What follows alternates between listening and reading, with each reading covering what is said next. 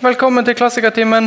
Det er jo eh, overraskende mange i salen. Jeg forventet egentlig eh, at jeg kanskje kom til å snakke til ingen.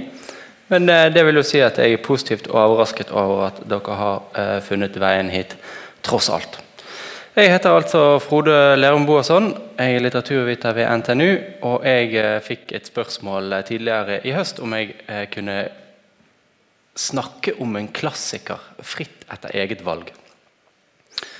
Um, det var ikke vanskelig å takke ja til forespørselen. Det vanskelige var å avgjøre hvilken klassiker er det jeg har lyst til å snakke om. Uh, I det hele tatt begynte jeg å tenke på hva er nå egentlig en klassiker? Hva er det biblioteket forventer uh, når de ber meg om å snakke om en klassiker? Og Som alle andre i vår tid så går også jeg til Wikipedia eh, når jeg lurer på den type ting. Hva er egentlig en klassiker? Jo, En klassiker det er ifølge Wikipedia i hvert fall, et begrep som enten refererer til et banebrytende kunstverk av en viss alder og som er verd å huske, eller til en fremstående forfatter eller kunstner som har skapt verk av varig verdi. En klassiker karakteriseres altså ved å være et verk som kan regnes blant de fremste i sin tradisjon, og som anses, eller kan anses som forbilder for etterfølgende kunstnerisk praksis.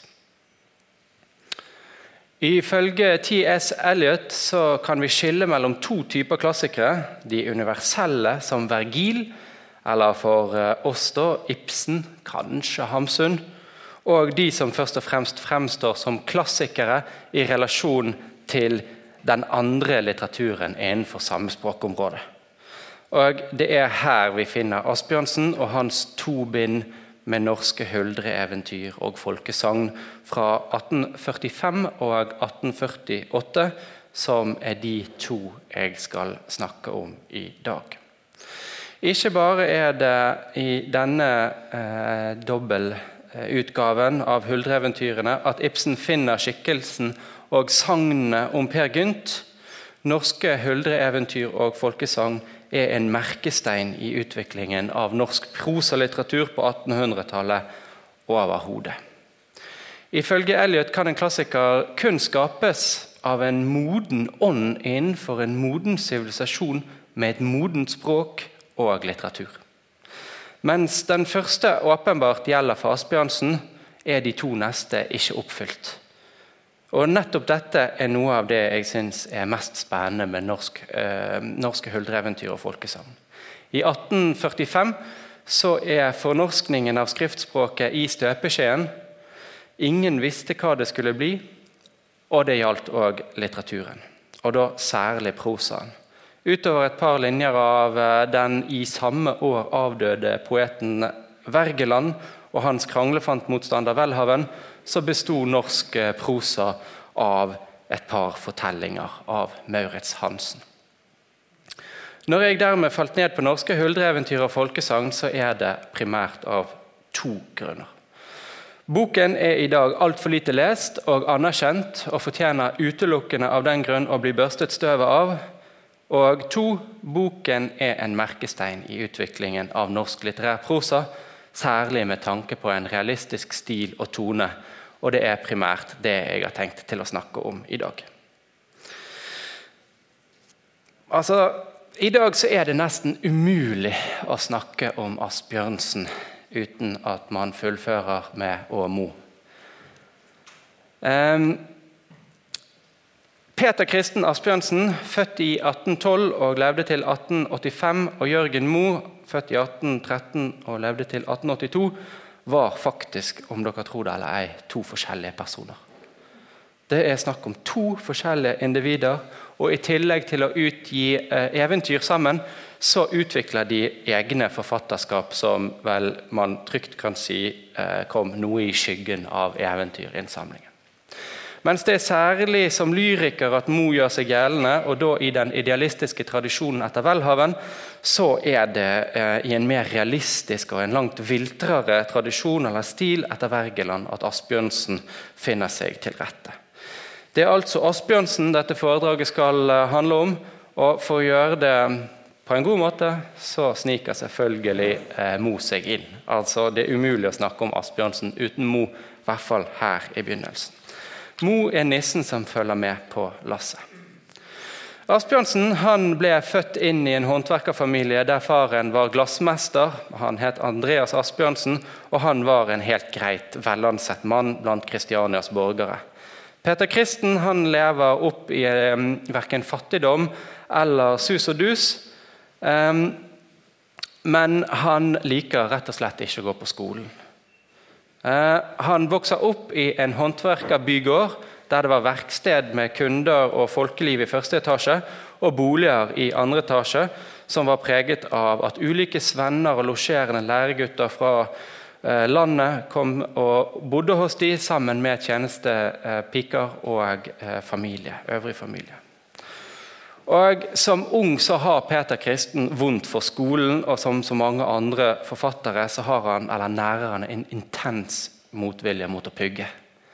Eh, og Etter hvert så eh, blir han så lei av at det han eh, føler seg omgitt av rikmannssønner og overklasseelever, at de velger å sende han til en privat artiumskurs på Norderhov i Ringerike i 1826.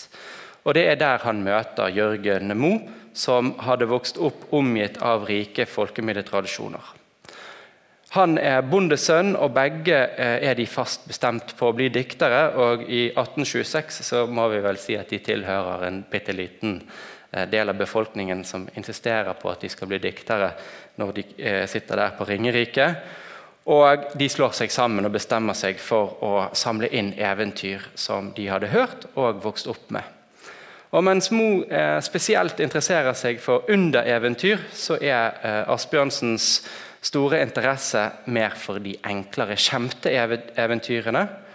Og mens Mo etter hvert blir både teolog og biskop, så utvikler Asbjørnsen seg til en slags altmuligmann av journalist, biolog, zoolog, folklorist og forstmester, altså eh, skogmester. Og han er i kontinuerlig pengeknipe. Så hvis vi leter etter gøye forfattere, så er det et par ting som bør oppfylt. De må hate skolen. De bør ha veldig lite uh, økonomisk sans. Og de bør ha uh, mye interesse for alt mulig. Og her eh, er Asbjørnsen en som man kan klikke av alle boksene på. Felles for både Mo og Asbjørnsen eh, er det at de begge er eh, fra Vi skal ikke si vanlige familier, men de er ikke embetsmannssønner. De er ikke som Welhaven og Wergeland, Andreas Munch og Camilla Collett fra embetsverket. De er eh, enten altså, i håndverkermiljø eller i bondemiljø. De uh, føler seg hjemme. Og Asbjørnsen og Moe er ikke de eneste som samler inn eventyr på denne tiden. De er heller ikke de første. Tradisjonen starta lenge før i Tyskland med romantikere, for så for alvor å ta fart med brødrene Grim i 1806 og 1807. Og både kompanjongene Grim og Asbjørnsen og Moe var inspirert av romantisk tankegods om folkeånden og det filosofen Johan Gottfried von Herder kaller en nasjonal litteratur. Um, hvor finner man en nasjonal litteratur og en folkeånd? Jo, det mente man å se i folkediktningen. 1800-tallet var den moderne, den eh, moderne, nasjonens århundre, og ifølge Herder så trengte man en eh, nasjonal litteratur som ga uttrykk for en felles nasjonal følelse. Den kunne man finne i folkediktningen, og dermed så begynner man å løpe rundt og eh, rett og slett samle inn det man har på folkemunne. Inspirert av brødrene Grim så har Andreas Fay allerede i 1833 utgitt en bok som heter 'Norske folkesagn'. Og For han som eh, for Asbjørnsen og Mo så er innsamlingsprosjektet eh, like deler kulturpolitisk, dvs. Si nasjonsbyggende og nasjonalistisk, som det er vitenskapelig, dvs. Si folkloristisk og litterært. Som det heter i forordet til andreutgaven av Fays samling, så kunne boken han utga, nemlig både være vitnesbyrd om de svunne tider og avsløre den norske folkekulturens innerste hemmeligheter som så å si hadde sprunget ut av de forskjellige bjerg- og skogengene de hadde blitt til i. Det som i dag forbindes med eventyr og sagn, nemlig at eh, det kunne blive børen skjær, det er underordnet for disse menneskene. Eh, det er fint, det kan, eh, skriver Fay, under foreldrenes veiledning Eh, om ikke oppbyggelig, så kan det virke uskadelig som morskapslesning hvis eh, man nå bare veiledet sine barn. Og Det sier noe om hvilken type diktning vi har med å gjøre. Dette er ikke fin kunst. Man måtte passe på barna når de skulle høre eventyr. I første rekke var det å skrive ned folkediktningen altså et litterært, kulturpolitisk og vitenskapelig innsamlingsprosjekt. Og Det Asbjørnsen og Mo gjør, det er ikke bare å samle de inn og skrive de ned. De arkiverer eventyrene, systematiserer de, og den største utfordringen de må finne en måte å fortelle de på. Eh, de ønsker å ivareta informantenes eget språk. De ønsker å være tradisjonen tro, og de ønsker å løfte frem en muntlig fortellerstil samtidig som den skal være litterær. Dette i 1830- og 40-tallet er nærmest en umulig oppgave. I tillegg så fremhever Moe Mo at dette er enda vanskeligere fordi at i motsetning til brødrene Grim så er det ikke noe ordentlig skriftspråk engang eh, de har å gjøre med. Folkespråket er noe ganske annet enn vårt skriftspråk, noe som Mo nesten til desperasjon føler på i behandlingen av sitt eventyrmanuskript. I tillegg til å mangle et skriftspråk for å gjengi informantenes muntlige fortellinger, var det å i det hele tatt tenke på å utgi muntlig diktning relativt radikalt. På 1830- og 40-tallet, og langt frem mot århundret faktisk, århundreskiftet, så eh, blir det norske folkespråket, og da særlig dialektene, ansett som grove, udannede og uskjønne i motsetning til det litterære danske språket. Litt sånn som bergensk i Trøndelag. For ikke å snakke om at eventyr og sagn ofte ble regnet både som ammestueprat og som fantehistorier som lå langt unna litteraturens opphøyde domene. Ifølge litteraturhistorikeren Henrik Jæger så formulerte tyskeren Christoph Martin Wieland seg på denne måten. Frembringelser av denne art må, være, må være smaksverker, eller de er intet som helst. La ammestueeventyr fortalt i ammestuetone forplantes gjennom muntlig overlevering, men trykkes må de ikke. Kunsteventyr, sånne som Ludvig Tick hadde skrevet i Tyskland mot slutten av 1700-tallet, det var én ting. Folkeeventyr, det var noe ganske annet. Med andre ord så var det ganske mange hindringer i veien for Asbjørnsen og Mo. Eh, det var ikke gitt at de skulle lykkes i prosjektet sitt. Det eneste som virkelig bød innsamlingen norske folkeeventyr 1 og 2, eh, men likevel så får de veldig god eh, anmeldelse og mottagelse. De eneste som byr disse to samlingene når de kommer ut i 1841 og 43, motstand, det er ekteparet eh, Peter Jonas og Camilla Collett. Ifølge Collett så er stilen i eventyrene rå og uskjønne. Eh, og de rykker faktisk ut i avisen Den konstitusjonelle med sine egne versjoner, eller en egen versjon av et eventyr, slik de mener at man skal fortelle dem. Da svarer Mo eh, med noe han ikke får på trykk, fordi han eh, harselerer over deres kunstsyn de tar bort all folketone. Og eh, Collett blir etter hvert en viktig støttespiller for eh, Asbjørnsen når han utgir eh, Huldreeventyrene, så hun endrer mening. Eh, it, eh, faktisk eh, så er Collett ganske alene om denne motstanden. Til og med den konservative Monrad, som er den viktigste kritikeren på denne tiden, tar imot eventyrene. Om ikke med begeistring, det var han veldig sjeldent, men han var positiv. Og Ettertidens dom feller litteraturhistorikeren eh, Fredrik Påske i 1923 eh, og skriver make til sikker muntlighet i stilen finnes ikke hos noen av de eldre fortellere. Norske folkeeventyr blir raskt populær, kommer i nye og redigerte utgaver.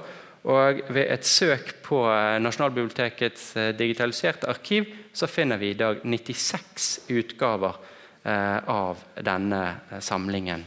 I gud vet hvor mange opplag og antall de til slutt utgjør til sammen. Samarbeidet mellom Asbjørnsen og Mo representerer imidlertid ingen slutt. Det er starten for begge disse forfatterne. Og mens Mo eh, skulle skyte eh, mer inn i lyrikkens modus og på lyrikkens vei, så er det huldreeventyrene som markerer Asbjørnsens selvstendige bidrag til litteraturhistorie. Norske huldreeventyr og folkesagn kommer i to samlinger i 1845 og 1848. Og allerede i åpningen av første bind så eh, ser Asbjørnsen et behov for å forklare hva er det han egentlig holder på med. Hvilken bok er det han nå gir ut? Han utstyrer derfor boken med en fortale. Og når dere kommer over det, så er det jo eh, som alltid ekstremt eh, nøye lesning som skal til. Der pleier forfatteren å utlegge det meste. Så i folke, eh, i denne huldreeventyrutgaven som eh, er eh, i 45, så begynner eh, Asbjørnsen på denne måten. Folkediktninger av den art som nærværende samling især omfatter, har man i alminnelighet betegnet med navnet sagn, folkesagn, idet man uten sondring lot dem innløpe blant de egentlige sagn eller tradisjoner om historiske personer og begivenheter. Dette var visstnok mindre riktig. til sagnet tilhører som noe avsluttet fortid. Sagnet, fremhever Asbjørnsen, har blitt regnet som avsluttet. Det er noe som tilhører fortiden, og dette passer dårlig med det han mener vi nå skal lese når vi har åpnet boken eller heftet hans. Disse naturdiktninger derimot er nemlig like så vel nutidens som fortidens eie. Tid de er ikke annet enn naturen selv og dens brytninger i folkets poetiske oppfatning, ofte med en farving av oldtidens tro og forestillingsmåte. Så man skjønner allerede på første side når man leser sakte, at her skal vi jammen eh, få en svir av en lesefest. Dette er ikke smålåtne ord. Det vi skal lese ifølge forfatteren, det er ikke noe som er avsluttet og tilbakelagt. Nei, det er naturdiktninger som oppstår og lever i fortellerøyeblikket. Ja, boken inneholder naturen selv og dens brytninger i folkets poetiske oppfatning. Skulle likt å se den forfatter som tør å skrive det i dag. Nærmer man seg sagnene, fortsetter Asbjørnsen, fra dannelsens og halvdannelsens territorium, mer fjerne bygdelag, hvor allmuen ennå henger ved fedrenes tro og gjennom denne og fantasiens medium oppfatter naturen, utspringer nemlig slike fortellinger som han har fanget mellom disse permene, seg den dag i dag. Vi må altså til den halvdannede gemene hop for å få ekte folkesang og huldreeventyr. Et sagn er ikke bare en vandrehistorie eller en fortelling. Det er noe som skal ha skjedd, og på den måten så skiller sagnet seg fra eventyret ved å skulle være troverdig. Både på Asbjørnsens tid og i dag er dette en vanlig eh, forskjell, eller det er vanlig å si at dette er en forskjell på eventyr og sagn. Sagnet gjør krav på sannhet, mens eventyret ikke gjør det. Altså Selvsagt det er jo sagn om Jostedalsrypa og sagnet, men det skal ha skjedd. Mens eventyr det eh, har en annen eh, måte å henvende seg til oss på. Det er en historie som ikke trenger å ha, skulle ha skjedd. Dette har eh, en del, kom, del, å si for Asbjørnsen, særlig at fortellerne hans ofte sier jeg skal ha sett det sjøl, men det var far min som så det. De insisterer hele tiden på at jo, jo, jo, jeg har en øyevitneskildring. Jeg gjengir eh, vitnebeskrivelse. Og Alle historiene Asbjørnsen forteller, er dermed egentlig sagn. Problemet er bare at uh, ifølge, de, så, nei, ifølge Asbjørnsen så skulle jo sagnet være avsluttet. Uh, det var sånn sjangeren ble forstått. men han mente at de eh, sangene han gjenfortalte her, absolutt ikke var avsluttede. De var en del av nutiden. Og Dermed så ville en mer passende betegnelse skriver Asbjørnsen, være huldreeventyr. Da hulderen er det prinsipale i den norske folkediktningens natursymbolikk, hun bor på fjellet og i dalen, hun eier all den norske naturs rikdom, prakt og herlighet. Men hun eier også dens dype melankoli. Allerede i tittelen her, altså. Prakt, herlighet, norsk natur, men også melankoli. Medregnet i denne insisteringen på en ny betegnelse så bør vi nok også ta med at Asbjørnsen Jon, sammen med Mo hadde gjort suksess med eventyrbetegnelsen. Den hadde de klart å løfte opp og få inn i litteraturen. Og Som alle andre forfattere i pengeknipe så trenger Asbjørnsen også å selge sine bøker. Så huldreeventyr det er en ny sjanger han så å si, eh, Ivar Aasen hadde brukt betegnelsen. Og det hadde også vært trykket noen ganger eh, om eh, et, eh, Bjerregård hadde skrevet om et, et huldereventyr. Men det er Asbjørnsen som lager denne sjangerbetegnelsen, og som han løfter frem. Problemet for Asbjørnsen var like fullt hvordan skulle dette sagnet, eller denne eh, huldreeventyret eh, hans, egentlig fortelles. Eventyrkoden hadde han knokket, men sagnet, hvordan skulle det kunne bli levende? Det var jo hele utgangspunktet. Det skulle være levende, dette huldreeventyret, i motsetning til det sagnet pleide å vurderes som, og som Wergeland hadde skrevet, at sagnet lever ikke. Det gjør kun eventyr. Løsningen for eh, den gode Asbjørnsen eh, er i utgangspunktet den samme som det vi ser i Asbjørnsen og Mos eventyr. Huldreeventyret og sagnene måtte fortelles sånn som han hadde hørt de. Denne gang måtte de imidlertid òg løftes inn i den rammen de ble fortalt i.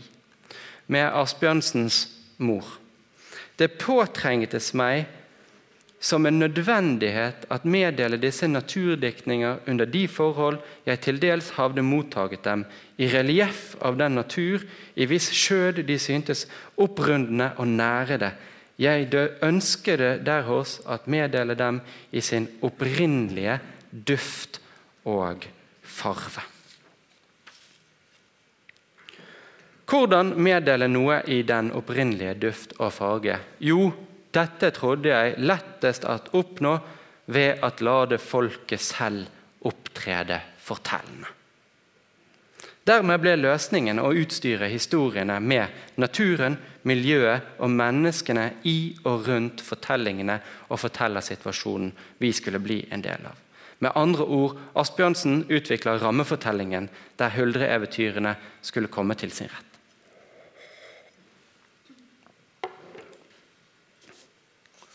Det vi møter i boken, er ikke sjelden en forteller, svært lik på Asbjørnsen, på jakt eller gode historier i et kjøkken på en storgård, til seters, i en husmannsstue eller på fisketur, som i Kvernsagn, som er den, det huldreeventyret som innleder denne første samlingen.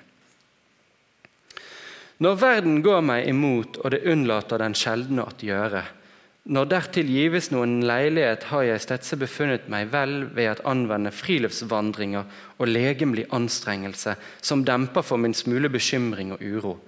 Hvilket håp der var sluppet, hvilken bekymring eller ergrelse vakt, kort hvilken årsak til stede, erindrer jeg ikke mere. Men hva det klart står for meg, er at jeg for noen år siden en sommerettermiddag med fiskestangen i hånden på østsiden av Akerselven vandret oppover engene forbi Torshaug og Sandaker gjennom Lillohagen til Oset ved Maridalsvannet. Denne innledningen er overraskende moderne i sin urbane trang til å oppsøke naturen utelukkende for rekreasjon. Asbjørnsen er en byens mann. og Vi skal vel ikke overdrive hvor stor Kristiania var på denne tiden, men det ligger likevel et by-land-aspekt her av veldig tydelig støpning helt fra første setning. Den moderne verden går denne fortelleren imot, og han søker ut i naturen for å få eh, legedom og få rekreasjon. Han skal eh, døyve sin uro. På sin vandring så møter fortelleren en gutt som tipser han om å bruke mark som agn og fisk får han, og når det mørkner, så går de to til Brekkesagen, der de møter folk. Ved den ene skorsteinen i Saugen Nei, nå må vi skjerpe oss. Sånn. Ved den ene skorsteinen i saugen satt en gammel, altså i sagen satt en gammel gråskjegget arbeidsmann med en rød hue over ørene. Skyggene av skorsteinen hadde skjult ham for meg før. Da han hørte mitt ønske om å hvile og varme, seg, varme meg en smule, lavde han meg få en stokkeknubb til sete ved ilden. Og Med denne rammen så faller samtalen raskt over på trollskap i sager og kverner, kvernknurrer og trollskjæringer, og med andre ord så tillater rammen Asbjørnsen å falle naturlig over i sagnets egentlige fortelling. På oppfordring fra fortelleren så begynner nemlig både guttungen og arbeidskaren å fortelle selv om sistnevnte avvæpnende tilføyer at folk tror ikke på slikt mere, folk er for kloge og oppleste nå til dags. En som vanskelig frir seg fra fortellingene, er likevel gutten som fortelleren ledsager tilbake til byen, mens han både føler demoners åndedrag i vinden og trollskjæringer i enhver av vinden beveget busk. Og Dobbeltheten mellom det sagnet på den ene siden formidler av mystikk og gammel overtro, og det de på den andre siden òg målbærer i det minste en flik av i, um, eller bærer av, i det minste en flik av sannhet i seg, er gjennomgående for samlingen. På den ene siden er dette bare overtro, på den andre siden er det noe i disse fortellingene som jo insisterer på at pass deg på å bare være for rasjonell her nå. Det kan jo være. Og når det står mellom disse to, dvs. Si mellom den dannede overklassens avfortryllede og rasjonelle virkelighetsforståelse og arbeider- og bondestandens folkelige overtro, er det slett ikke så enkelt å avgjøre hvor fortelleren står. Ofte ligger nemlig fortellerens sympati langt nærmere informantene enn deres godseiere, sånn som vi f.eks. ser det i fortellingen 'En aftenstund i et proprietærkjøkken'. En aftenstund i et proprietærkjøkken er første binds femte fortelling og tar for seg en kveld der en huslærer sitter med proprietæren, altså en storbonde. og Han er huslærer og kjeder seg fordi denne proprietæren eh, taler bevingede ord om prosesser, høyesterettsprejudikater og overformynderikrangler, luksus og makthaveres ideer om korntoll, industri og sentralisasjon. Ved første anledning så fortelleren hva rømme, så løper han fordi fra kjøkkenet skraler det den ene lattersalve etter den annen. Kristen Smed førte ordet der ute. Da han holdt opp at tale, lød det på ny en hjertelig latter. Jeg vil ut og høre smedens historie, sagde jeg idet jeg løp ut og tok og lot proprietæren tilbake i stuen med den matlysende pras og sin egen konfuse tankegang. Barnevev og lønnaktige regler brummede proprietæren idet jeg lukkede døren. Det er skam for lærte folk. Og Denne dobbeltheten er gjennomgående for samlingen og for Asbjørnsens stil. Disse storbøndene, eller overklassens tørre, kjedelige, eh, trasige rasjonalister, de blir eh, kontrastert med et mye mer levende folkekultur. Eh, I eh, kjøkkenet, i motsetning til proprietærens dunkle og trasige rom, så lyser eh, munterhet ut av kjøkkenet. Og igjen tillater rammen en nydelig overgang fra folkelivsskildring til selve huldreeventyret. Det er nemlig, Nå er det jo altfor lite til at dere klarer å se, men jeg skal lese det opp. Det er dette som er denne samlingens store forse. Denne opp Eh, glødde folkelivsskildringen, og så eh, inni der kommer fortellingen. På peiskanten altså Det er veldig sjeldent i 1845 at noen skriver eh, om en proprietær at han er latterlig, mens at bonden og smeden er heltene. På peiskanten satt børnene og lo og knegget, knekte nøtter. Rundt om satt en krets av piger og husmannskoner. De trådte rokken med flittige føtter eller brukte de skrapende karder. I svalen trampet ter terskerne sneen av, kom inn med avner i hår og satte seg ved langbordet, hvor kokken frembar dem nattverden. en melkeringe og et trug hår, hårstappet grøt. Opp til skorstensmuren lente smeden seg, han røkte tobakk av en liten snadde og havde i sitt ansikt, der bar sotete sporer fra smies, eh, smiesen, en tørr, alvorlig mine som vitnet om at han hadde fortalt og fortalt godt. God aften, smed, sagde jeg, hva er det du forteller, det vekker sådan latter. Hi, hi, hi, lo småguttene med sjeleglede i sine miner. Kristen fortalte om fanden og smeden, og så om gutten som fikk ham inn i nøtten, og nå har han sagt at han skal fortelle om Per Sannum, som de underjordiske holdt hesten for i Asmyrbakken. Ja, begynte smeden, den Per Sannum var fra en uh, av Sannumgårdene nordenfor kirken.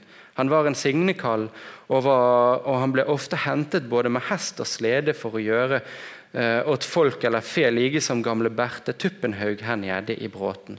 Og Det er informanter Asbjørnsen henter historier fra seinere.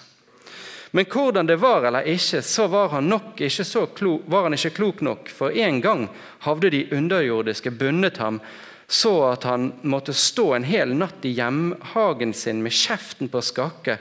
Og det gikk ikke riktig vel til den gangen jeg nå vil fortelle om heller. Denne Per kunne aldri forliges med folk. Og så kommer huldreeventyret, huldreeventyret. Og så når han er ferdig, Per Smed, så sier en av de konene jo, men jeg har hørt en lignende historie der jeg kommer fra. Og så fyller de inn med fortellere og fortellere, og så kommer vi tilbake igjen til huslæreren når han er trøtt. Og så går han og legger seg. Og så er det nytt huldreeventyr. I dette avsnittet så ser vi ikke bare hvor glitrende Asbjørnsen tegner miljøet på Storgården og arbeidsfolket som driver den. Vi får innblikk i kjøkkenets sosiale sfære, og den lune stemningen står veldig skarpt i kontrast til satiren som kastes over proprietærens tørre selvhøytidelighet. Den folkelige stemningen den eh, står klart imot rasjonalismen og bedrevitende selvgodheten som er proprietærens. Og satiren av dannelsens korrumpering gjenfinnes i hele denne boken og samlingen. Mest hylende morsomt går han nok utover en skolemester som vi møter i Høyfjellsbildet der 1, en søndagskveld til seters. Og i denne eh, fortellingen så møter vi en forteller som er så lik på Asbjørnsen som det går an, og som sammen med en engelsk turist ved navn sir John Tottenbroom har reist til Sel i Gudbrandsdalen for å gå på reinsdyrjakt i Rondane. Fortelleren har avtalt å møte kjentmenn som skal ta dem med seg. Og Siden de vet at fortelleren er interessert i eventyr og, hus, og historier, har de sørget for å invitere denne skolemesteren samt noen budeier for å fortelle. Skolemesteren kan nemlig eh, mange eventyr, men i Asbjørnsens støpning så fremstår han eh, som en Selvhøytidelig, ulykkelig forelsket tørrpinn som ikke eier fortellingens nådegave. I starten nekter han å gjengi eventyr fordi han slett ikke vil fortelle lettferdige og tåpelige bondehistorier. Tvert imot vil han heller fortelle noe av den bibelske historie, eller også f.eks. om keiser Oktavianus. Da avbryter fortelleren han raskt og tvert med å si de historier de der nevner, kan jeg på mine fingre. Hva jeg ønsker å høre, er fortellinger om huldre, troll, eventyr og Askeladden og annet sådan som aldri har vært på prent, men som blott lever i folkets munn. Det fortelleren ber om, er med andre ord nettopp det vi sitter og leser, og det som Asbjørnsen har samlet inn. Med litt alkohol og konkurranse så begynner likevel eh, skolemesteren å prate, og da legger Asbjørnsen ikke noe annet enn ramsalt kritikk av sine meningsmotstandere i denne skolemesterens munn. Eh, I skolemesterens på styltet gående komiske etterligning av et foreldet bokspråk blir fortellingen nemlig både lang og skjedsommelig eh, lang og like skjedsommelig som det språk hvori den fortelles. Eh, med andre ord så er det en, ganske krass utlevering av denne skolemesteren. Og det er kanskje ikke så rart at læreren på Sel, Hans Hansen Pillerviken, som var en av Asbjørnsens viktige informanter, ble både støtt og følte seg urettferdig behandlet når boken kom ut. Så vi kan altså lære at virkelighetslitteratur har eksistert lenge. I skolemesterens motstykke, jegeren og kjentmannen Tor Ulvsvålen, som er en mann av middels størrelse, med mørke øyne og et mørkladent, djervskåret ansikt, får vi derimot gjenfortalt en rekke ekte huldreeventyr. Det gjør vi òg av den helstøpte Per Fugleskjellet, som forteller om sin navnebror Per Gynt, som støtt lå oppe på fjellet og skjøt bjørn, og som både møtte Bøygen og reddet budeia fra kåte troll. Da han kom opp mot Høvringen, for der skulle han være i en seter om natten, var det så mørkt at han ikke kunne se en neve for seg. Og høne tok til å skoggjø så det var rent spøkelig. Rett som det var, kom han inn på noe, og da han tok bort på det, var det både koldt og sleipt og stort, og han syntes ikke det var kommet av veien heller, så han ikke kunne vite hva det var for noe. Men uhogle var det. Hvem er det? sa han Per, for han kjente det rørte på seg. Å, det er han Bøyg, svarte det. Dermed var Per Gynt like klok, men han gikk ut med spøkeriet et stykke. For et sted må jeg vel komme frem, tenkte han. Rett som det var, kom han inn på noe igjen, og han tok bort på det, var det også både stort og koldt og sleipt. Hvem er det? sagde Per Gynt. Å, det er Bøygen, svarer det igjen.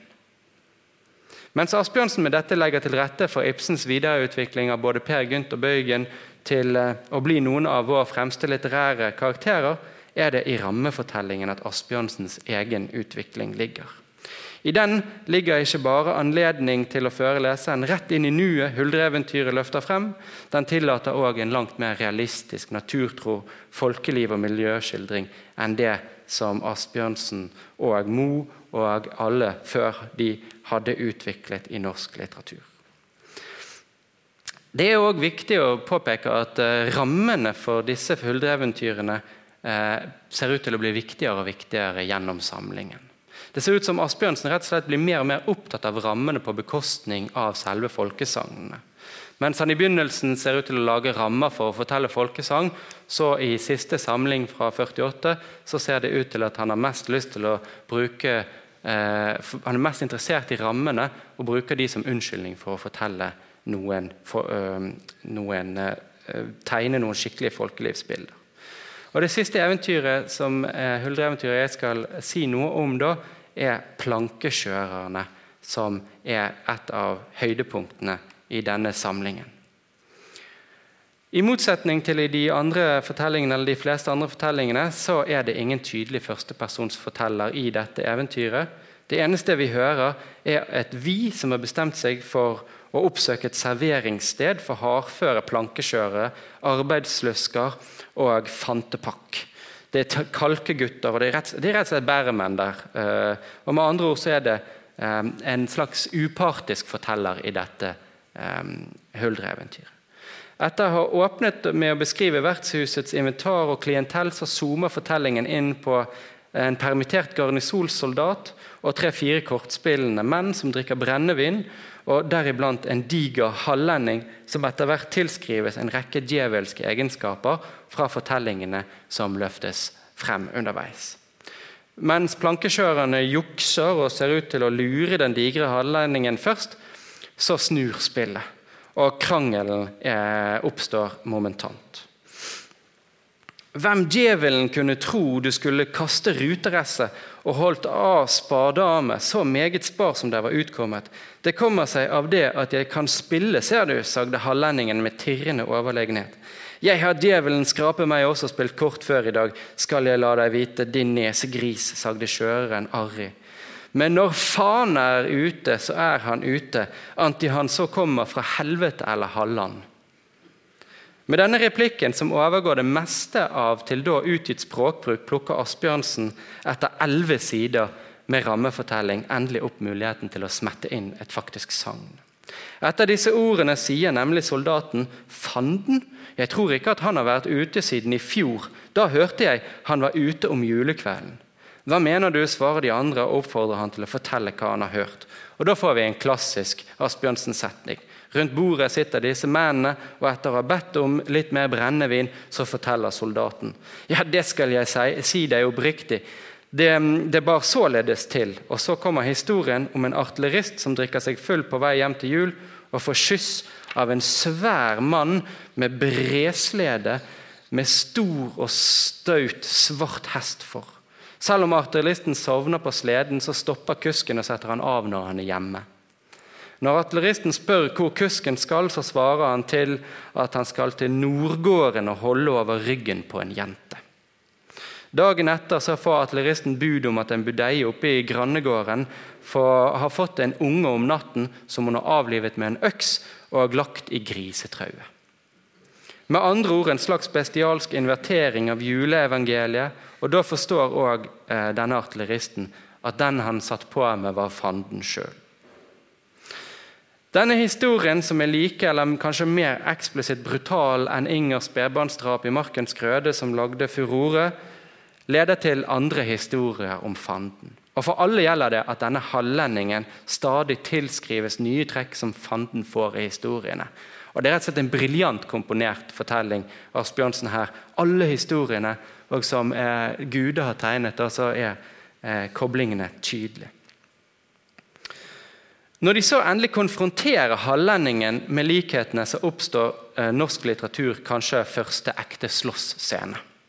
Som fanden reiser hallendingen seg i full høyde, slår nevene i bordet så hardt at bordet sprekker, og så bærer det løs.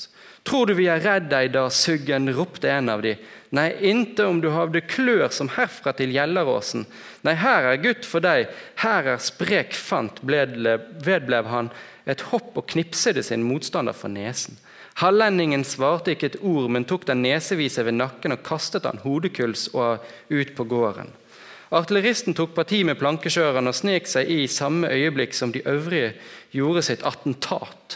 Lumskeligen bak hallendingen, grep han i skulderen med begge hender og satte ham kneet mot ryggen med det forsett å bøye ham baklengs mot gulvet.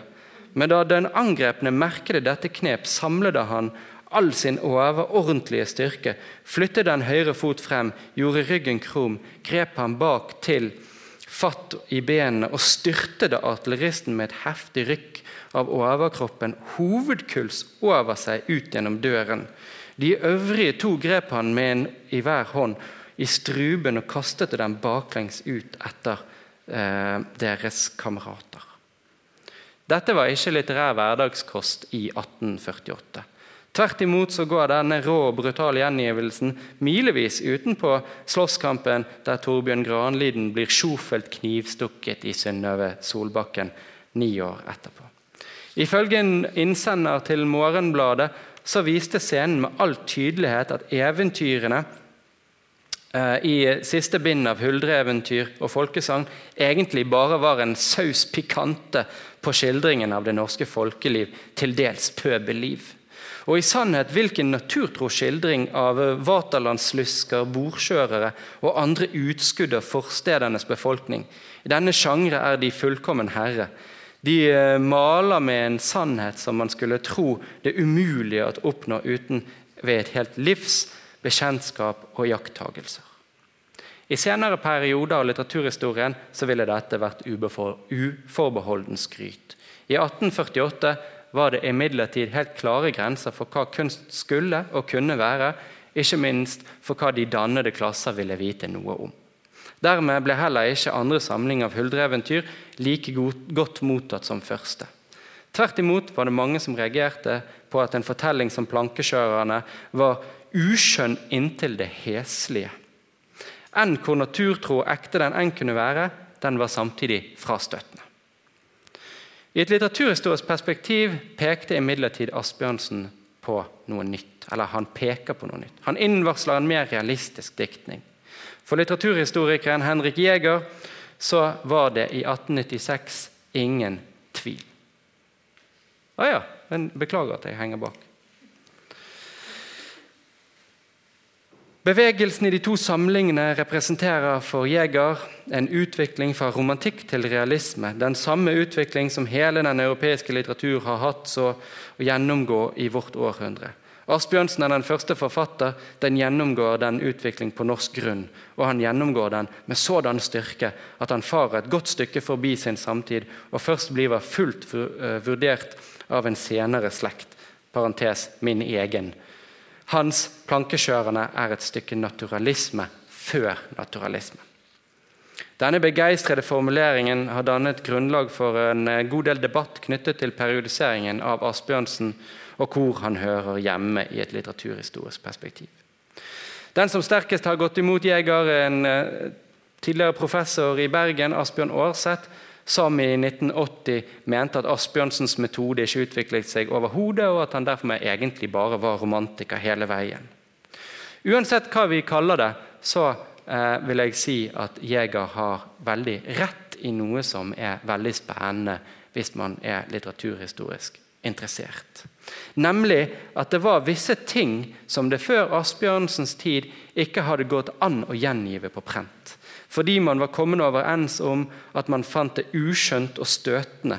Men Asbjørnsen gjenga det allikevel. Han brød seg ikke om at man fant det uskjønt og ble støtt. Han tok det med fordi han hadde intelligens nok til å innse hvor karakteristisk det var. Således kom han ved denne bok til å gjøre en erobring han erobret et nytt stykke land fra den litterære konveniens. Han utviklet og utvidet grensene både for hva det gikk an å skildre, og for hvorledes det gikk an å skildre. Det er dette landet, denne nyvinningen, åpningen, jeg har forsøkt å vise i dette foredraget, som nå driver og går litt utover sine grenser. Og det er her Bjørnson, Kielland, Ibsen, Lie og Amalie Skram flytter inn og utvider enda mer i årene som kommer. Ser man dermed på huldreeventyrene på denne måten, er det liten tvil om at boken og Asbjørnsen står til betegnelsen klassikere i betydning foregangsfigurer og eh, forbilder i litterær utvikling. Takk.